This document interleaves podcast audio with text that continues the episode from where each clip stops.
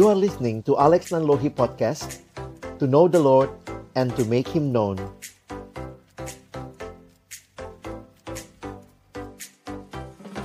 Doa Bapa di dalam surga kami bersyukur kepadamu untuk cinta kasih dan anugerahmu. Kembali hari ini engkau memberikan kesempatan kami beribadah memuji memuliakan namamu. Sungguh semua ini adalah anugerah yang luar biasa. Dan kami berdoa ketika kami telah memuji namamu Tuhan. Tiba waktunya bagi kami untuk membuka firman-Mu ya Tuhan. Kami mohon ketika kami membuka firman-Mu, bukalah juga hati kami.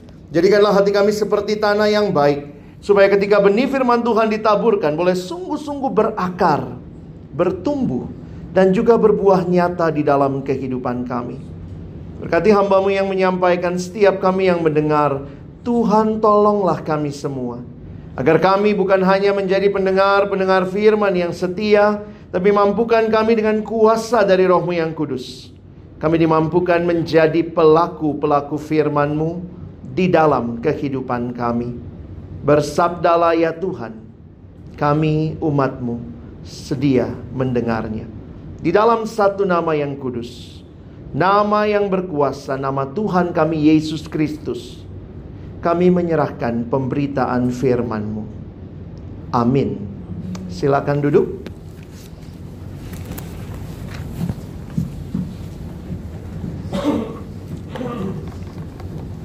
Horas.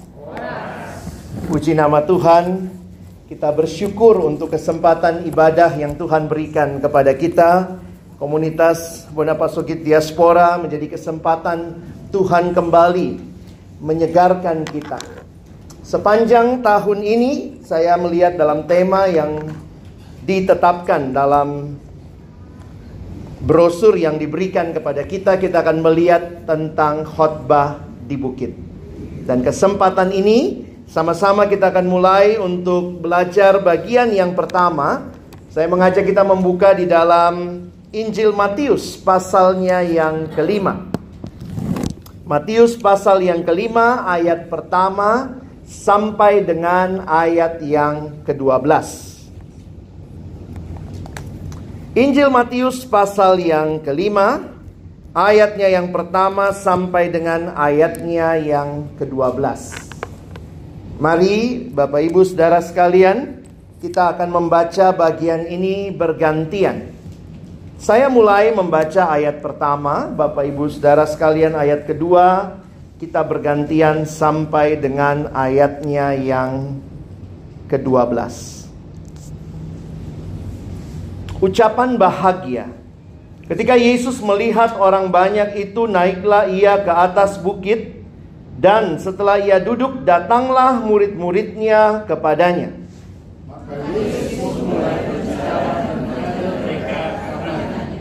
Berbahagialah orang yang miskin di hadapan Allah, karena merekalah yang empunya kerajaan surga.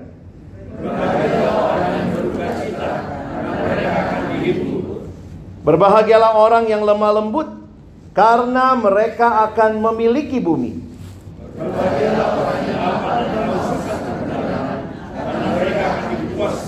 Berbahagialah orang yang murah hatinya, karena mereka akan beroleh kemurahan.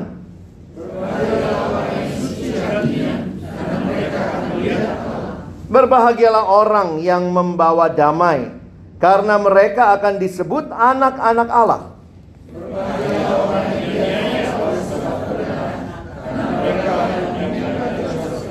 Berbahagialah kamu jika karena aku kamu dicela dan dianiaya dan kepadamu difitnahkan segala yang jahat.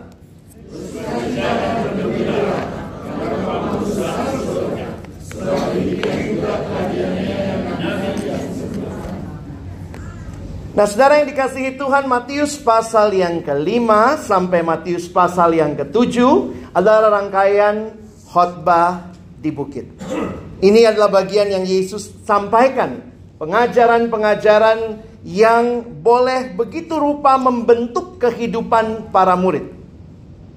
Beberapa penafsir Alkitab memperhatikan peristiwa ini dan membandingkannya dengan apa yang ada di Perjanjian Lama.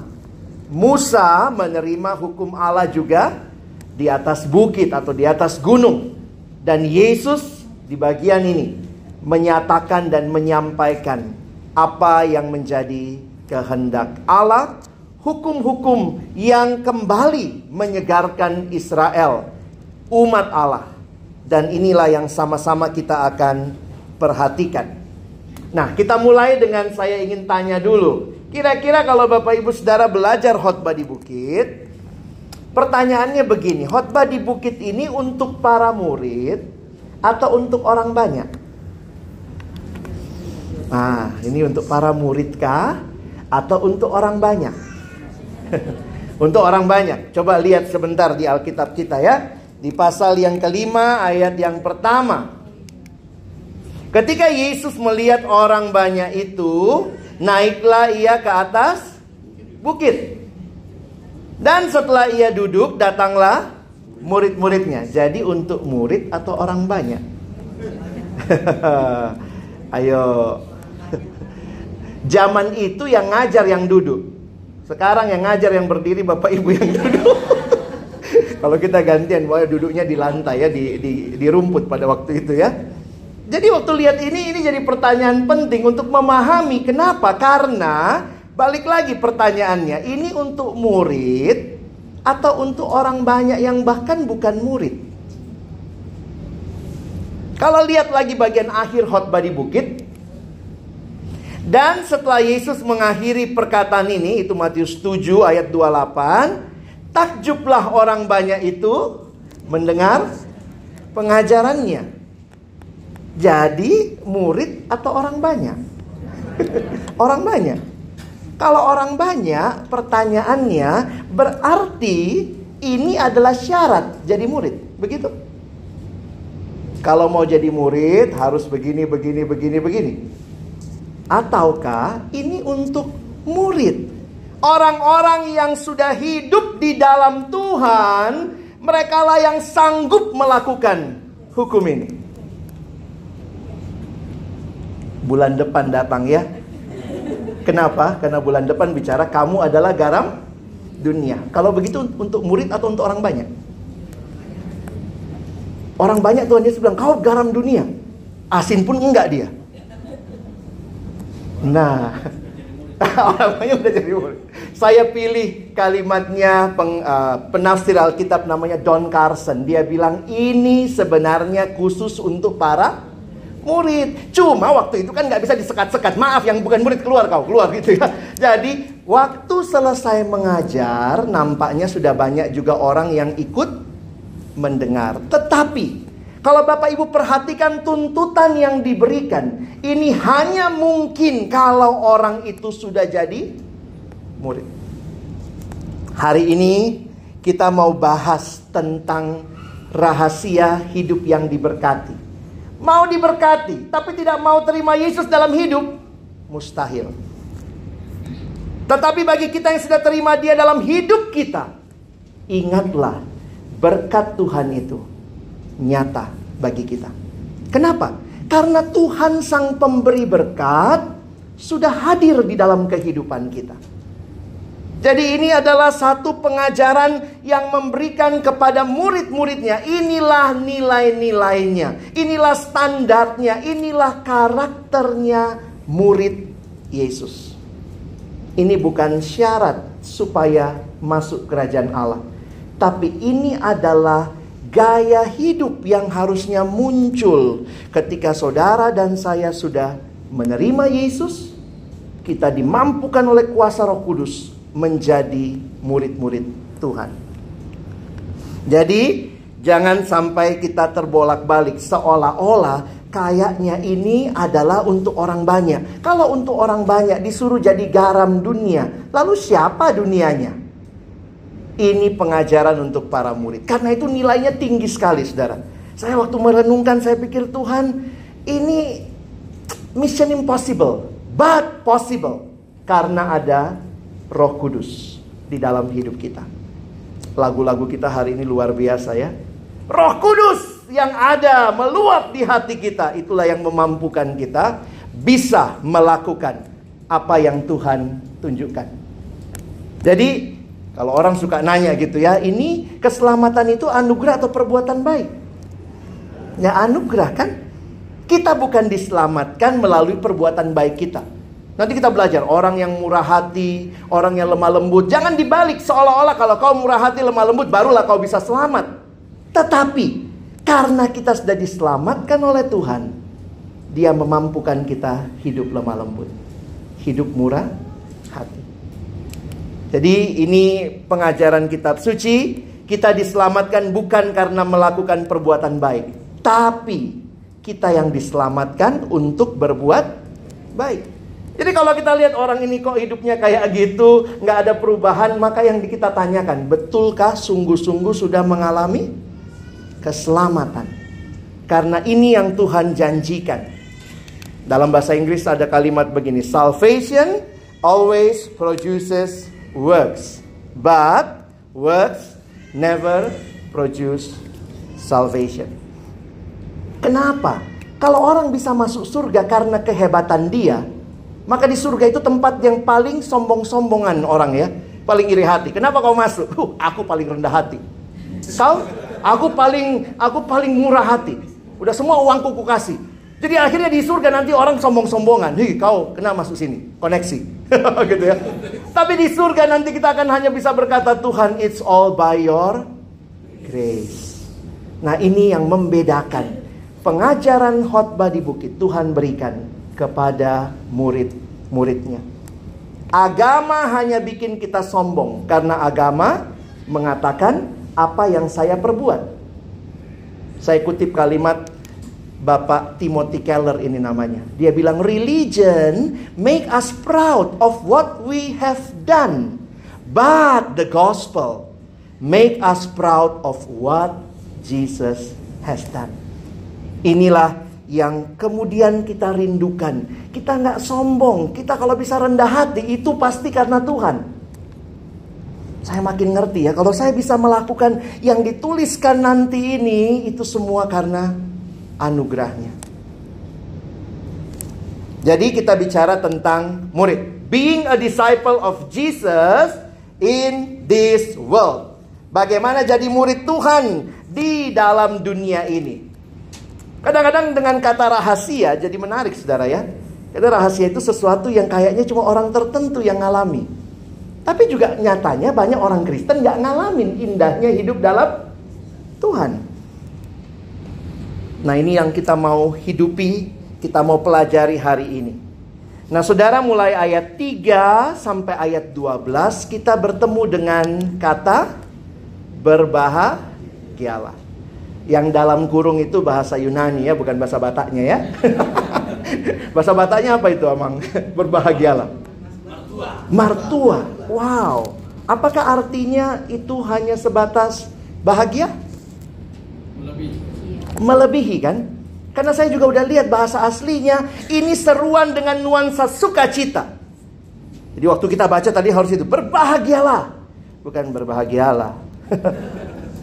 the bless oh the blessedness sehingga beberapa terjemahan menggunakan kata yang hari ini kita pakai ya diberkatilah bukan hanya bahagia tapi ini bahagia karena ada berkat yang kita alami dan ini tidak tergantung faktor luar kenapa karena nggak masuk akal kita gimana bahagia kalau dianiaya ada bapak ibu sambil dianiaya iya bahagia aku aniaya terus Kok bisa ya? Bagian itu gimana mengertinya? How can you be happy when everything is unhappy? Jadi ini jadi pertanyaan buat kita. Kalau bukan karya Tuhan dalam hidup kita, nggak sanggup. Nah, kita masuklah. Apa rahasianya? Hidup yang diberkati. Ayo Bapak Ibu, ini sesuatu yang sudah kita miliki sebenarnya. Hari ini dibukakan supaya kita makin menyadari. Wow, Harusnya orang Kristen gitu ya. Banyak wownya. Satu waktu saya khotbah depan anak SMP. Saya jelaskan keselamatan. Waktu itu saya pakai salib ya, saya sobek-sobek gitu. Terus kemudian saya buka, jadi salib ya. Itu anak-anak, wow. Ada satu anak teriak, mujizat. Padahal itu triknya guru sekolah minggu ya. Tapi saya pikir wah anak-anak ini ngerti apa artinya anugerah. Orang yang mengalami anugerah akan selalu berkata, "Wow, Tuhan luar biasa." Karena itu John Newton tidak hanya bilang grace, tapi dia bilang amazing grace. How sweet the sound that saved a wretch like me. Betapa indahnya anugerah Tuhan menyelamatkan orang seburuk saya. Apa berkat yang Tuhan berikan? Yang pertama, berbahagialah atau diberkatilah orang yang miskin di hadapan Allah. Bapak Ibu periksa kantong. Kemarin banyak meme ya. Air di mana-mana basah, buka kantong kering. Saya sedih juga gitu ya, karena saya tahun ini saudara, sudah lima kali saya banjir. Ya, tahun ini aja lima kali maksudnya daerah kami kan ya mungkin Bapak Ibu tahu lah, Kelapa Gading ya. Kami selalu masuk TV kalau banjir. sedih, saya sampai udah gak bisa marah lagi saudara ya.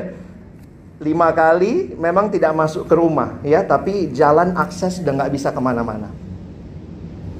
Satu hari minggu kemarin saya batalkan tiga pelayanan minggu lalu karena tidak bisa tembus yang yang ngundang dari Serpong. Jadi mereka nggak ngalamin kan? Nggak bisa keluar pak, nggak bisa. Dicoba pak, hmm, kau aja. Maksudnya gimana juga gitu ya? Ini bukannya nggak mau kan? Susah saudara ya. Kalaupun bisa keluar, siapa yang nganter keluarnya lagi? Itu yang jadi pertanyaannya. Jadi memang nggak mudah lah. Tetapi kalimat ini jadi menarik untuk kita perhatikan. Berbahagialah orang yang miskin di hadapan Allah. Di dalam Injil Lukas dipakai kata miskin yang dalam arti literal. Betul-betul miskin kantongnya kira-kira begitu ya. Tetapi di dalam Injil Matius, Matius mencatat pengertian miskin di hadapan Allah. Kenapa orang yang miskin di hadapan Allah ini dikatakan mereka lah yang empunya kerajaan surga? Apa yang dimaksud dengan miskin di hadapan Allah? Orang yang sadar dirinya betul-betul tidak punya apa-apa di hadapan Tuhan, mereka lah yang akan betul-betul mengandalkan Tuhan. Orang yang miskin adalah mereka yang betul-betul bergantung kepada Tuhan. Itu keindahan berkat Tuhan nyata di dalam kesadaran kita. Bukan saya punya semuanya. Tapi sebenarnya banyak hal yang saudara dan saya dalam hidup. Itu semua berkatnya Tuhan. Ada kondisi miskin secara spiritual. Menyadari Tuhan saya tidak bisa hidup tanpa engkau. Dan saya pikir kalau kita bisa menghayati miskin secara spiritual, kita pun akan bisa menghayati waktu kita punya banyak harta. Harta ini memang unik saudara ya. Kadang-kadang kalau saya pikir orang bicara harta, berantem soal harta, kadang-kadang gitu ya. Orang tua terlalu kaya bikin anak-anak berantem ya. kaya kali bapak mamanya, tapi habis meninggal berantem anaknya. Berantemnya apa? Harta. Diberantemin. Masalahnya di mana ini? Saya melihat sebenarnya masalah utama ada di hati kita. Kalau hati kita di hadapan Tuhan berkata, "Tuhan, aku cukup denganmu." Kalau Tuhan kasih harta, puji Tuhan, tidak ada itu pun aku cukup. Gak mudah. Tapi menghayati, karena itu saya pakai pemahamannya begini. Apa artinya miskin di hadapan Allah? Orang yang miskin di hadapan Allah akan bergantung penuh kepada Allah. Bapak Ibu, dalam hidup ini cuma satu kali. Banyak hal tanpa kita sadari, kita pikir kitalah orang yang ya saya usaha makanya saya dapat. Kadang-kadang hukum sebab akibat seperti itu. Kau rajin, ya kau dapat. Memang itu hukum sebab akibatnya. Tapi ada juga banyak hal dalam hidup yang kita tidak bisa dapat, bahkan kita rajin sekalipun. Waktu saya menghayati itu saya makin sadar, iya ya. Kalau hidup ini tentang saya semuanya, maka harusnya puji saya ya. Puji diri, haleluya. itu kan semua tentang saya. Tapi hidup itu banyak tentang Tuhan. Ada kalimat mengatakan dengan uang kita bisa beli buku. Tapi dengan uang saudara belum pernah bisa beli kepin putaran. Dengan uang kita bisa beli obat, tapi dengan uang kita belum pernah bisa beli kesehatan. Nggak ada kita pergi ke toko minta kesehatan dua ons ya. Nggak mungkin itu ya. Dulu ada satu abang kami kasih cerita begitu ya. Dia pakai filosofi ikan teri, saudara. Coba bayangkan ikan teri ya. Sampai teri itu sampai ke meja kita. Siapa yang bawa teri itu? Uang kita. Dia mulai coba bayangkan mulai dari laut. Berarti Tuhan pelihara teri di laut. Berarti kalau Tuhan pelihara terinya, berarti Tuhan juga pelihara papa mama teri. Ya? Lalu adalah anaknya. Habis itu ada nelayan yang nangkap. Nelayan yang ditangkap Tuhan pelihara nelayan itu dan papa mamanya. Pakai perahu. Tuhan pelihara pembuat perahu dan papa mamanya. Sampai di darat lalu kemudian Tuhan pelihara juga distributornya dan papa mamanya. Lalu kemudian dia bawalah naik truk ke kota. Naik truk ke kota Tuhan pelihara pembuat truknya. Mau kita pretelin ban kiri. Tuhan pelihara pembuat ban kiri dan papa mamanya. Terus kemudian kita kasih uang sama mbak kita, belilah ya ke pasar. Lalu dia beli. Tuhan pelihara mbak kita di rumah dan papa mamanya. Sampailah teri di meja kita. Apa kalimat kita? Ih, cuma teri. Udah lama, jauh perjalanan teri itu ya. Ada yang cuma makan teri? Pakai nasi kan? Nasi panas. Oke, kita mulai dari nasi ya, dari beras. Tuhan pelihara petani dan papa mamanya. Bisa nggak pulang kita saudara ya? Lalu doa makan kita pun seadanya. Dari juga amin. Dan di situlah jadi sadar betul ya ya Betapa sering kali kita merasa kitalah yang bisa mengusahakan banyak hal. Mengaku miskin di hadapan Allah tidak mudah. Ada kalimat yang saya kagumi terus. Kalau betul Daud tulis Mazmur 23 ketika dia sudah raja dan kemungkinannya begitu. Karena di bagian bawah dia tulis, engkau menyediakan hidangan bagiku di hadapan lawanku. Mungkin dia sudah raja waktu itu. Raja bisa ngomong begini, Tuhan adalah gembalaku. Wow. Kalau yang ngomong orang miskin ya wajar lah ya Tuhan kalau lah gembalaku nggak ada lagi ku punya. Tapi ini raja loh yang punya semuanya bisa berkata Tuhan kaulah gembalaku. Bagaimana dengan kita? Mau hidup diberkati? Andalkan Tuhan. Akui dia kata kitab uh, Amsal dalam setiap lakumu. Dan saudara, janjinya punya kerajaan surga. Berarti kehadiran Tuhan yang penuh di hidup kita. Ini yang pertama, ya. Bahagia yang pertama. Yang kedua, ber, berbahagialah orang yang berduka cita. Apalagi ini ya? Ada yang bahagia waktu duka cita? ini bicara duka cita karena apa? Saya juga coba lihat beberapa penafsir Alkitab. Salah satu buku yang saya pakai dari hamba Tuhan namanya John Stott. Dia nulis buku tentang khotbah di bukit. Dia mengatakan duka cita yang dimaksud adalah berduka cita karena dosa. Masihkah kita punya duka cita karena dosa? Ketika kita hidup sebagai umat Allah, nggak mudah. Kadang-kadang yang benar disalahkan. Yang salah jadi benar. Apalagi era sekarang. Yang banyak like-nya dipikir benar. Padahal tahunya hoax. Jadi ini jadi pergumulan. Waktu kita berduka cita karena dosa, di situlah kita menyadari bahwa sebenarnya kita membutuhkan Tuhan. berduka cita karena dosa dan karena kejahatan. Ini kira-kira kesimpulan yang saya tangkap dari buku itu. Kenapa yang berduka cita itu disebut berbahagia? Karena mereka berduka cita untuk hal yang benar. Dan saat ini banyak orang tidak lagi punya duka cita yang benar. Kita duka cita karena apa? Listrik mati. Kesel. Saya banyak layani anak siswa ya. Apa kondisi paling menyedihkan? Yang menyedihkan buat anak siswa sekarang? Habis kuota. Wifi mati. Bisa begitu tuh. Sampai kadang-kadang pun kalau mau cari restoran tanya dulu, ada colokan nggak? Kita udah jadi fakir colokan, fakir wifi begitu ya. Duka cita kita pertanyaannya, apakah saudara masih berduka cita karena dosa? Saya bergumul juga karena apa? Kadang-kadang apa yang kita tahu sama apa yang kita rasa nggak connect, saudara. Ini katanya zaman online, tapi banyak yang disconnect. Makanya pernah ada satu buku seminar dulu dibuat oleh pendeta Stephen Tong. Dia buat, saya ingat saya masih mahasiswa ikut seminar itu namanya pengudusan emosi.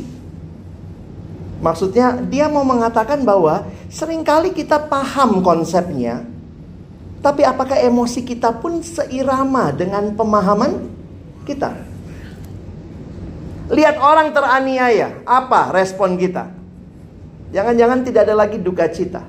Lihat orang korupsi, apalagi sekarang koruptor kayaknya di televisi kayak selebriti dia. Kita tunggu-tunggu kapan dia keluar pakai rompi kuning kan? Lalu kemudian kita celebrate, wih ketangkep dia. Tapi pertanyaannya, masih adakah hati yang menangis melihat kebobrokan karena orang mengambil yang bukan haknya? Ininya tahu, pikirannya tahu, hatinya. Lihat orang selingkuh. Masih ada emosi? Yang kudus? Saya ingat sekali kalau Pak Sagala dulu ngajar kami, pokoknya dosa itu bikin kita bututul. Betul ya bang? Bututul, buta, tuli, tumpul. Perasaan mereka telah tumpul. Efesus pasal yang keempat, perasaannya tumpul. Harusnya lihat orang selingkuh marah. Kenapa nggak marah? Siapa tahu selingkuh juga. Ih, selingkuh sama kita. Selamat dulu kita. Ih, hebat kali kau ya. Belum ketahuan. Iya, aku juga loh. Wih ngeri loh sekarang. Apalagi sinetron-sinetron ini kan. Jadi memang saya melihat gini. Kenapa Tuhan bilang bahagia orang yang bisa berduka cita karena ke, karena dosa? Karena orang-orang seperti itulah yang peka menangkap apa maunya Tuhan. Selingkuh kita bang, ya kita bagusin lah ya. Sebenarnya selingkuh bahasa Alkitabnya apa? Berzina. Cuma kan nggak enak juga. Ih si tante itu berzina loh dia. Kita bilang, oh biar agak manis, selingkuh. Kalau selingkuh kayaknya, ya nggak apa-apa lah, selingan indah keluarga utuh. Ngeri-ngeri ya. Kadang saya mikir, kalau saya nggak punya lagi duka cita rohani, sebenarnya kita lagi dipimpin oleh siapa? Kalau semua tontonan yang kita tonton, musik yang kita dengar, percakapan di kantor yang kadang-kadang tidak lagi bicara kekudusan, sesuatu yang kudus seperti seks dibawa jadi bercandaan. Pertanyaannya, apakah masih ada duka cita? Ada yang bilang bang boro-boro gitu Di kereta api, di KRL aja Pagi-pagi itu banyak percakapan yang gak jelas Saya bilang kayak apa? Ya kayak gitulah bang Kayak apa? Saya kan gak pernah naik gitu ya Ya kayak gitu, tahu-tahu ada ngomong Udah ah, capek tuh, pasti berapa ronde sama suaminya tadi malam Hal-hal kayak begitu dibecandakan sesuatu yang sakral kudus di tempat yang harusnya dinikmati oleh relasi suami dan istri. Jadi konsumsi publik yang dibuat jadi bercandaan. Dan jangan-jangan kita malah ikut bercanda. Jangan-jangan kita ikut forward yang jorok-jorok. Kadang-kadang yang nggak terelakkan ya. Kita ikut WA grup kantor, taunya ada yang kirim gambar apa, gambar apa. Saya pikir kita mesti melihat kita sedang ada dalam dunia seperti apa dan bagaimana kita sebagai murid Kristus. Dan waktu kita berduka, kiranya lahir doa, mohon Tuhan pakai saya jadi berkat buat orang-orang di sekitar saya. Berbahagialah orang yang berduka cita. Tuhan janji, mungkin dunia bilang kau gila, kau nggak up to date, kau ketinggalan zaman, tapi Tuhan janji kamu akan dihibur karena duka citamu itu duka cita yang benar. Berbahagialah orang yang lemah lembut karena mereka akan memiliki bumi. Wah, dunia kenalnya salahnya kita mikir lemah lembut itu lemah gemulai. Enggak ya. Memang bahasa Inggris pun unik, pakai istilah meekness dalam bahasa Yunani protes dipakai istilah itu. Kalau bahasa Inggris di, dimainkan itu jadi weakness. Jadi kayaknya lemah lembut itu dianggap lemah. Tidak. Lemah lembut ini adalah orang yang memiliki penguasaan diri. Boleh nggak orang Kristen marah? Boleh, tapi marahnya waktu memang harus marah. Tahu kapan mesti marah, bukan nggak ada hujan, nggak ada badai marah. Tapi ini jadi menarik ya. Dalam uh, kata aslinya itu dipakai uh, kata protes itu diambil dari kata yang menggambarkan kuda liar yang dijinakkan. Jadi itu menarik ya. Kalau ada kuda liar, lalu kemudian ditangkaplah, lalu kemudian dijinakkan. Nah, ketika dia sudah dijinakkan, itulah disebut dia lemah lembut. Maksudnya apa? Masih punya kekuatan nggak kuda ini? Masih, tapi dia bisa dijinakkan, kira-kira gitu ya, bisa menguasai. Kapan kekuatannya dipakai? Bukan lagi dipakai menendang orang yang mendekati, tapi mungkin kalau racing dia akan pakai kekuatannya. Jadi orang yang lemah lembut, mereka lah yang akan memiliki bumi itu janji Tuhan. Kuasai diri kita. Belajar menguasai diri. Dan ini semua, Bapak Ibu coba perhatikanlah. Ini semua kan bukannya ini buah roh ya. Ya, buah roh. Jadi buah roh itu apa? Saya makin mengerti. Buah roh itu bukan buahnya saya. Tetapi itu terjadi ketika saya buka hati, saya terima roh kudus dalam hidup saya. Maka saya akan bisa menghasilkan buah roh. Karena itu adalah pekerjaan roh kudus. Kalau buahnya Alex bukan penguasaan diri. Marah. Emosi. Tapi ketika ada roh kudus, maka Alex yang seperti itu Tuhan ubahkan. Sehingga buahnya itu buahnya roh kudus. Siapa yang harus dipuji? Roh kudus, bukan diri kita. Jadi mari belajar menguasai diri. Kenapa? Itu adalah berkat kita loh. Tuhan kasih berkat loh Bapak Ibu bisa menguasai diri. Jangan saya memang pemarah, mau apa? Ada orang tambah tua, tambah marah-marah. Maaf Opung ya. Tapi coba periksa diri juga ya. Kadang-kadang begitu. Saya juga ngalamin. Saya minggu lalu pimpin kebaktian lansia di GKI. Saya bilang, saya nggak tahu nih, opa oma di sini makin tua makin menyenangkan nggak buat anak-anak ya? Atau jangan-jangan makin tua makin mengesalkan? Kalau cucu lihat, hmm, mulai marah nih, marah nih. Coba kalau begitu cucu lihat, ih opungku cantiknya, ih manis sekali, enak dipeluk. Jadi saya jadi ber, berkata juga, kalaupun kita makin tua, kalau Roh Kudus bekerja, kita makin lemah lembut loh. Itu janji Tuhan. Itu berkat Tuhan buat kita. Dan orang yang memiliki bumi, karena apa? Di mana pun dia hadir, dia bisa jadi berkat. Ada teman saya memang posting ya, opungnya juga agak ini, mungkin karena masih kuat ya. 85 tahun, naik meja, naik meja ambil gelas di atas. Ya dia posting, aduh opungku ini ya. Anak sekarang kan semua diposting, opungnya naik meja diposting. Opungku ini ya. Ya kami yang lihat langsung bilang loh, mesti ingatin tuh opung ya, biar namanya masih kuat. Kadang-kadang kan begitu. Kita nggak mau susahin anak, sakit dikit, aduh nggak mau susahin anak. Kalau sakitnya tambah banyak, tambah susah anaknya. Ayo, Belajar menguasai diri. Ini berarti bukan apa? Saya kalau bilang ada yang bilang gini, tapi anakku nggak sayang lagi sama aku. Doalah. Berdoa, yakin bahwa ketika kita minta sama Tuhan, Tuhan sanggup melembutkan hati anak kita. Kadang-kadang memang orang tua merasa anaknya mungkin sibuk atau apa. Berdoalah, Tuhan sanggup memberikan itu. Dan makin tua, makin kita mengasihi Tuhan. Dari muda, saya harap juga yang masih muda merasa kita bisa menguasai diri. Jadi orang yang lemah lembut. Ada orang yang senang di kantor terkenal. Aku memang paling jahat di kantor ini. Kenapa? Nah, kok senang dikenal begitu ya? Kau lihat satu RT ini, aku yang paling galak. Semua takut sama aku. Apa banggamu? Bangga karena ditakuti? Atau ketika engkau jadi berkat buat orang? Nah, jadi Tuhan kasih modal ya. Kita bisa lemah lembut. Nah, berbahagialah orang yang lapar dan haus akan kebenaran. Ini mirip sebenarnya sama yang tadi ya. Orang yang bergantung penuh kepada Tuhan. Tapi saya pakai kalimatnya John Stott, dia pakai kalimat ini. Orang yang mencari kebenaran sebagai tujuan hidup. Seluruh hidupnya dia arahkan untuk me, me, me, apa, mencari kebenaran, menghidupi kebenaran, itulah tujuannya. Seperti makanan yang sangat orang butuhkan maka demikianlah juga kebenaran menguasai hidup kita. Wah, indah sekali kalau kita punya hidup kayak begini dan ini Tuhan sudah janjikan. Diberkatilah orang yang lapar dan haus akan kebenaran. Siapa yang puaskan? Tuhan janji dia akan puaskan kita. Nah pertanyaannya kan buat kita, kita seperti ini apa tidak? Saya nggak kayak gitu. Pak Pendeta saya nggak kayak gitu. Tapi ini janji Tuhan, setiap murid yang ada roh kudus, engkau dan saya bisa menjadi orang yang begitu rupa bergantung pada Allah. Termasuk juga mencari kebenaran.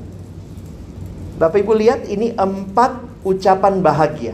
Empat ucapan bahagia yang pertama, ini relasinya sama Tuhan. Lihat ya. Jadi kayak tadi, orang miskin di hadapan Allah. Orang yang berduka cita karena dosa, orang yang lemah lembut berarti bisa menguasai diri, di situ berarti dia betul-betul bergantung kepada Allah dan orang yang mencari kebenaran sebagai tujuan hidup. Empat ucapan bahagia berikutnya bicara relasi dengan sesama. Kita lihat ya yang berikutnya. Berbahagialah orang yang murah hatinya karena mereka akan beroleh kemurahan. Saya coba lihat konteksnya apa sih kemurahan itu? Ternyata dalam banyak ayat di Alkitab, orang yang mengalami kemurahan itu dikaitkan dengan pengampunan Allah. Memang banyak orang bilang, oh kemurahan ini dia suka ngasih uang, suka ngasih apa yang dia punya. Itu juga termasuk. Tetapi waktu kita lihat lebih dalam, beberapa ayat yang terkait dengan kemurahan, itu berkaitan dengan orang yang murah hati berarti itu pengampun. Wah ini jadi menarik ya. Ini relasi dengan sesama. Saudara bisa mengampuni? Oh dengan diri kita sendiri nggak mungkin bisa. Tapi kalau ada Roh Kudus bisa? Bisa. Kadang-kadang ada yang memang bilang gitu, saya ini nggak bisa pak. Berkali-kali saya suka cerita pengalaman ya, karena ini pengalaman real. Ada satu ibu datang setelah saya khotbah, Pak Alex boleh ngobrol? Oh silakan bu. Lalu dia mulai cerita. Gini loh pak, saya mau cerita pak. Ini ibu penampilannya Kristen banget. Ya, salib, salib. Pakai salib gitu. Terus dia bilang, Pak, saya ini orang baik pak. Baru mulai sharing udah saya orang baik. Mari kita tutup doa ya. Udah baik, udah baik kau kan. saya dengar aja. Saya ini orang baik pak. Dia cerita, tapi saya ini pak, saya baru ditipu sama teman dagang. Dia kongsi dagang sama temannya lalu kena tipu dia. Uangnya kayaknya diambil sahabatnya ini. Lalu kemudian dia di situlah dia bilang, saya ini susah pak, saya orangnya percayaan banget sama orang. Tapi sekali saya dikhianati pak, oh nggak bisa saya pak, nggak bisa saya. Oh gitu ya bu. Terus dia cerita lagi. Saya ini pak orangnya baik sama orang. Kalau orang baik sama saya, saya bisa lebih baik sama dia pak. Tapi kalau orang jahat sama saya pak, saya bisa lebih jahat sama dia. Ini ibu Kristen tapi pakai tanduk. Jadi waktu saya dengar begitu, saya pikir wow. Kalau memang hidup ini, dalam hidup kita akan bertemu dan berjumpa dengan orang-orang yang akan menyakiti kita. Secara langsung atau tidak langsung. Yang diberkati itu bukan yang nyimpen-nyimpen kesalahan orang lain. Dulu ibu rohani saya, ibu Doroti Max ya, dia bilang dia pakai singkatan. Jadi kami ingat gitu ya. Hati-hati katanya marah dingin. Apa itu marah dingin? Malanggis. Marah lama nggak habis-habis. Jadi itu yang nyimpen tuh. Karena dia bilang ada dua marah yang salah. Satu marah panas, satu marah dingin. Kalau marah panas itu lamadak ceretus langsung marah meledak, cepat ribut meletus. Gampang diingat ya. Jadi kalau begitu, ada yang begitu. Tapi ada juga yang mendendam. Wah, kalau lihat apa kabar? Hmm, baik. Hmm, udah mati mampus kau. Jatuh kau di sini ya. Nah, itu kalau sampai seperti itu sikap kita, sebenarnya ini jadi hal yang kita perlu renungkan.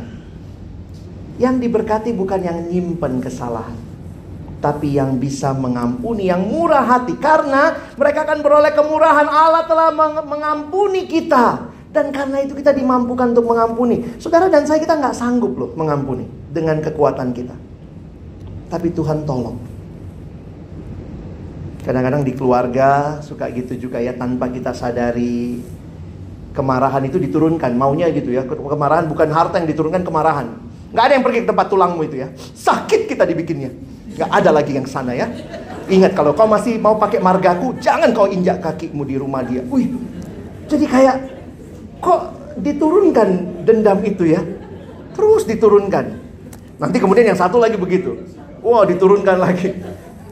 Itu yang bikin film kungfu panjang ya. film silat itu panjang karena dendam. Eh kalau nggak ada dendam juga habis kali seri pertama ya. Berantem, ayo apa apa kau apa kau? Ih kau Kristen, aku juga. Dalam Yesus kita bersaudara. Selesai satu seri. Aduh. Tapi ada satu hal yang saya mau bagikan soal pengampunan ya Bapak Ibu. Saya makin merenungkan ini saya baru makin sadar ya. Mengampuni itu sebenarnya kalau kita yang mengampuni orang lain yang bersalah kepada kita, perhatikan baik-baik. Yang menanggung harga pengampunan itu adalah kita. Contoh, ada yang mencuri di rumah kita. Dia curi uang 3 juta. Lalu kemudian dia udah habiskan, dia nggak sanggup ganti. Lalu kita dalam anugerah Tuhan belajar mengampuni. Kita bilang, oke, okay, saya ampuni kesalahanmu. Berarti 3 jutanya siapa yang nanggung? Kita. Nah itu yang saya makin ngeliat. Kita nggak biasanya memang nggak mau bayar harga itu ya. Karena mengampuni itu udah kita ngampunin yang sakit kita, yang rugi kita juga. Tapi Tuhan mau mengatakan, bukankah dosamu juga yang harusnya berujung maut? Aku yang tanggung kata Yesus. Sungguh luar biasa. Jadi waktu ibu itu bilang, Pak saya tuh nggak bisa Pak, sekali dihianati saya, au nggak bisa Pak. Saya bilang, Bu, kalau Yesus bilang hal yang sama, sekali kau bikin salah, au lebih panjang udah, nggak bakal ku ampuni kau. Habis kita, habis. Tapi ketika kita berbuat dosa, Tuhan mengatakan, aku mengasihimu, aku menyucikanmu. Kita masuk sudah masa sengsara ya, apa uh, prapaskah ya. Kalau Bapak Ibu ada renungan-renungan biasanya sudah mulai mengarahkan kita kepada dosa, kepada kayu salib, kepada pengorbanan pengampunan. Ingat baik-baik. Siap mengampuni berarti saudara menanggung harganya. Dan itulah yang Tuhan mau. Berbahagialah orang yang suci hatinya. Karena mereka akan melihat Allah. Kesucian hati bicara motivasi, kemurnian, dan ini bicara tentang motivasi yang yang tulus, yang tidak ada apa uh, udang di balik bakwan ya, tapi benar-benar punya ketulusan. Di dalam Alkitab berbagai kali, uh, beberapa kali, khususnya dalam kitab-kitab Paulus, dia selalu mengatakan aku dengan hati nurani yang murni, hati nurani yang tulus. Bahkan Paulus tuh berani banget. Di kitab Filipi dia bilang begini, kamu adalah saksi. Tapi Allah juga adalah saksi. Wow. Kalau kamu, mungkin kamu hanya lihat yang kelihatan. Tapi waktu dia bilang Allah adalah saksi, itu berarti dia mau mengatakan bahwa aku pun hidup benar di hadapan Allah. Tuhan mengatakan berkat kita adalah ketika kita bisa punya hidup yang murni, bukan pelintat-pelintut ke sana ke sini gitu ya, tapi benar-benar bagi Allah. Dua lagi ya. Berbahagialah orang yang membawa damai. Karena mereka akan disebut anak-anak Allah.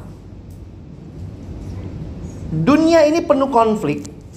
Dan kita makin membutuhkan banyak pembawa damai. Saudara, waktu saya mengerti ayat ini, Orang yang membawa damai, mereka disebut anak Allah karena sebenarnya Allah lah yang datang juga membawa damai. Kata yang dipakai adalah kata rekonsiliasi, itu juga yang dipakai di dalam kitab Kolose pasal 1. Sebagaimana Yesus telah mereconcile manusia dengan Allah. Dan itulah yang Tuhan mau. Saudara dan saya jadi pembawa damai. Jangan sampai kalau kita hadir tambah besar konfliknya karena kita kompor ya. Kita tambahin siram lagi bensin ya, tambah dikit gitu. Ini perlu kita gumulkan. Saya tahu ada orang-orang yang dikasih karunia oleh Tuhan untuk mendamaikan. Tapi juga secara umum harusnya buat kita yang mengalami didamaikan dengan Allah. Nah ini memang terkait ya, pengampunan tadi. Jadi pembawa damai. Tapi sudah hidup jadi pembawa damai pun jangan pikir semua orang suka sama kita. Itulah ayat 10 sampai 12. Mungkin kalau Bapak Ibu lihat, kita kan udah baik kali sama orang ya.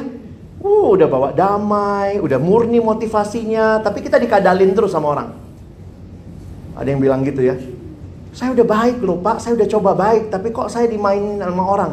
Saya bilang jangan lupa ada ayat juga ya, mesti cerdik seperti ular, tulus seperti merpati. Sebenarnya ayat itu mau bilang apa sih? Tuhan Yesus bilang jangan bodoh kali gitu. jangan bodoh. Ada yang bilang, iya saya kasih dia sekali pinjaman, besok datang lagi, besok datang lagi. Terus kau kasih pinjam terus? Iya kan saya baik. Kau bodoh.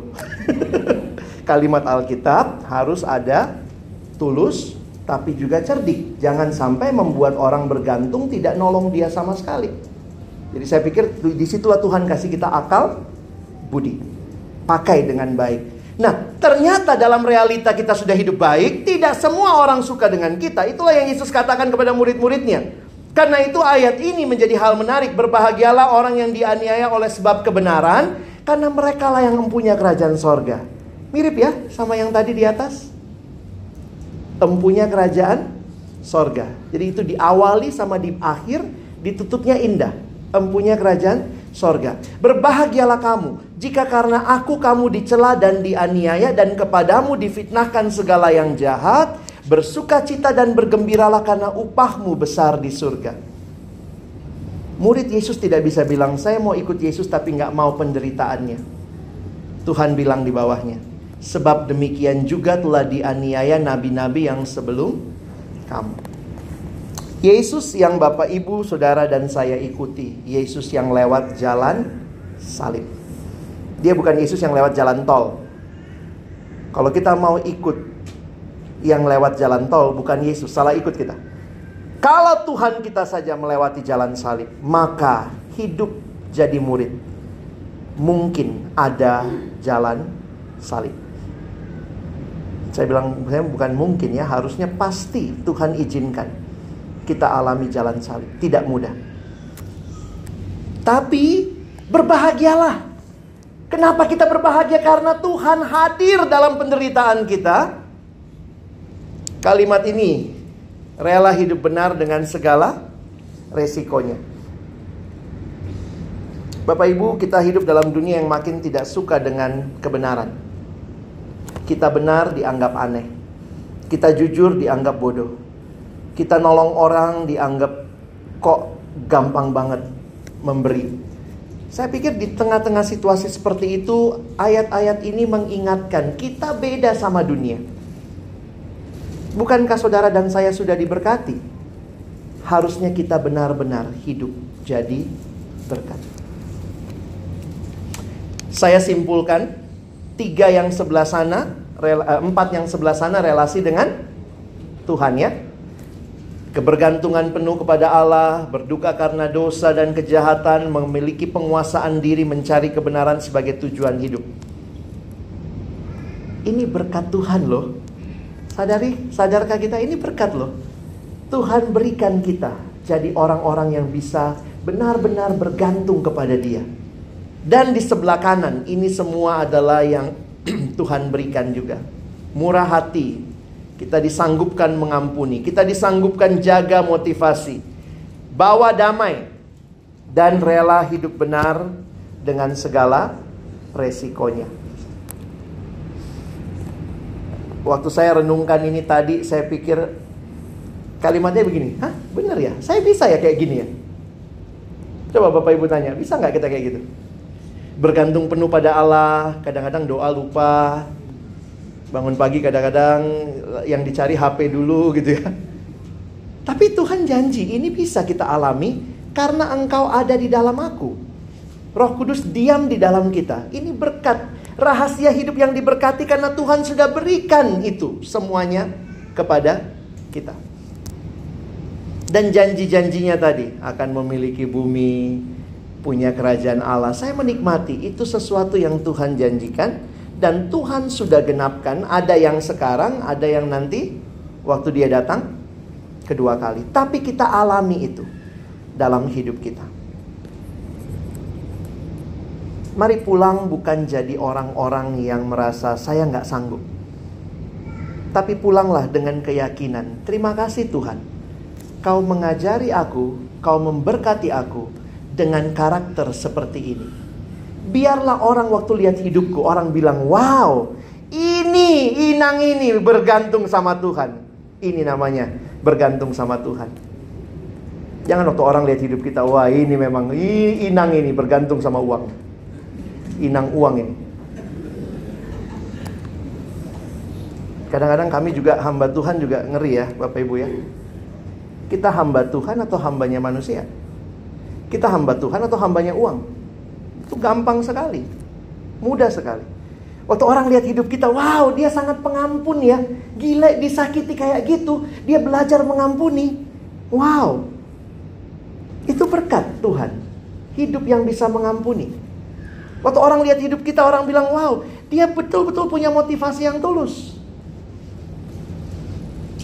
Harusnya berkat ini nyata dalam hidup kita dan orang lain lihat itu dalam hidup kita. Bisa? Bisa.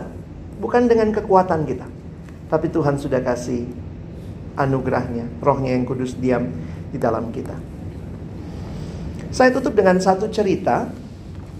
Satu waktu di ada satu cerita yang saya baca, ada seorang yang sangat kaya dan dia kolektor lukisan. Jadi saking kayanya dia koleksi lukisan-lukisan terbaik dari seluruh dunia. Lalu kemudian dia satu waktu dia buka katalog lukisan di dunia. Lalu waktu dia lihat-lihat, wah dia tertarik sekali sama satu uh, dua lukisan. Ada dua lukisan yang dia tertarik sekali.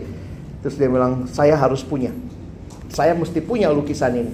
Nah kalau di katalog lukisan itu Bapak Ibu, ternyata di bagian bawahnya bisa ketahuan itu kapan lukisan itu terakhir dilelang, di mana dan siapa pembelinya. Tapi ada juga pembeli-pembeli yang tidak mau pakai namanya. Jadi ditulis di bawahnya no name, tapi diketahui di mana lelang terakhirnya. Jadi kemudian orang ini melihat, wah saya pengen sekali dua lukisan ini. Berapapun harganya saya beli. Dia akhirnya menyewa dua detektif. Dua detektif dia sewa, pergi cari lukisan ini. Wah, dua detektif ini kemudian disewa dengan harga yang mahal. Berapapun harganya nanti akan dibeli lukisan itu, maka dua orang ini mulai bekerja. Cari, cari, cari, cari, cari. Sebulan kemudian akhirnya mereka datang kembali. Report. Ditanya lah. Sudah ketemu lukisannya? Sudah pak.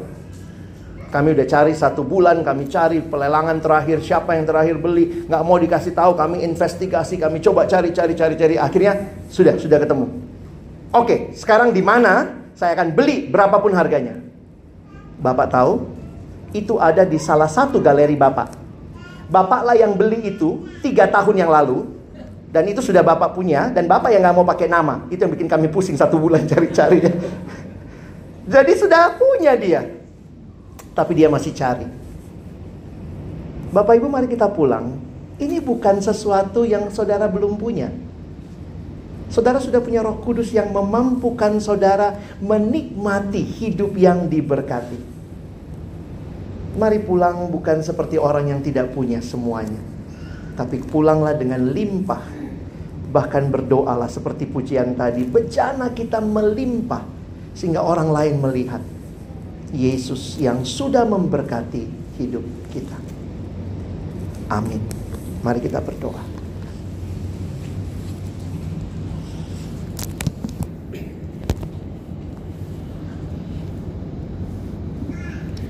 Bapa di dalam surga terima kasih banyak buat firman-Mu.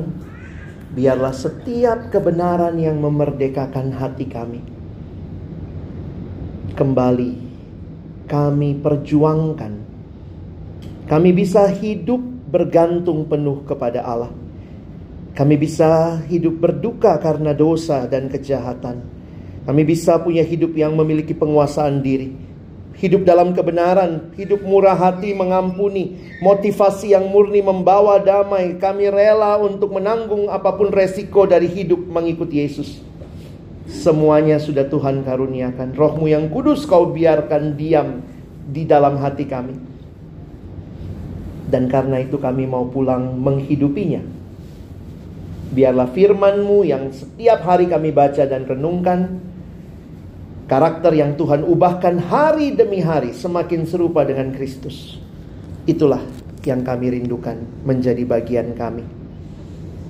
Tolong Bapak Ibu, saudara-saudaraku di tempat ini, kami semua benar-benar boleh jadi murid-murid Tuhan yang bukan mempermalukan Tuhan dengan hidup kami, tapi sungguh-sungguh kami mempermuliakan Tuhan melalui hidup dan pelayanan kami. Terima kasih Tuhan. Kami mohon tolong kami bukan cuma jadi pendengar firman. Mampukan kami jadi pelaku-pelaku firman-Mu. Dalam nama Yesus kami bersyukur. Amin.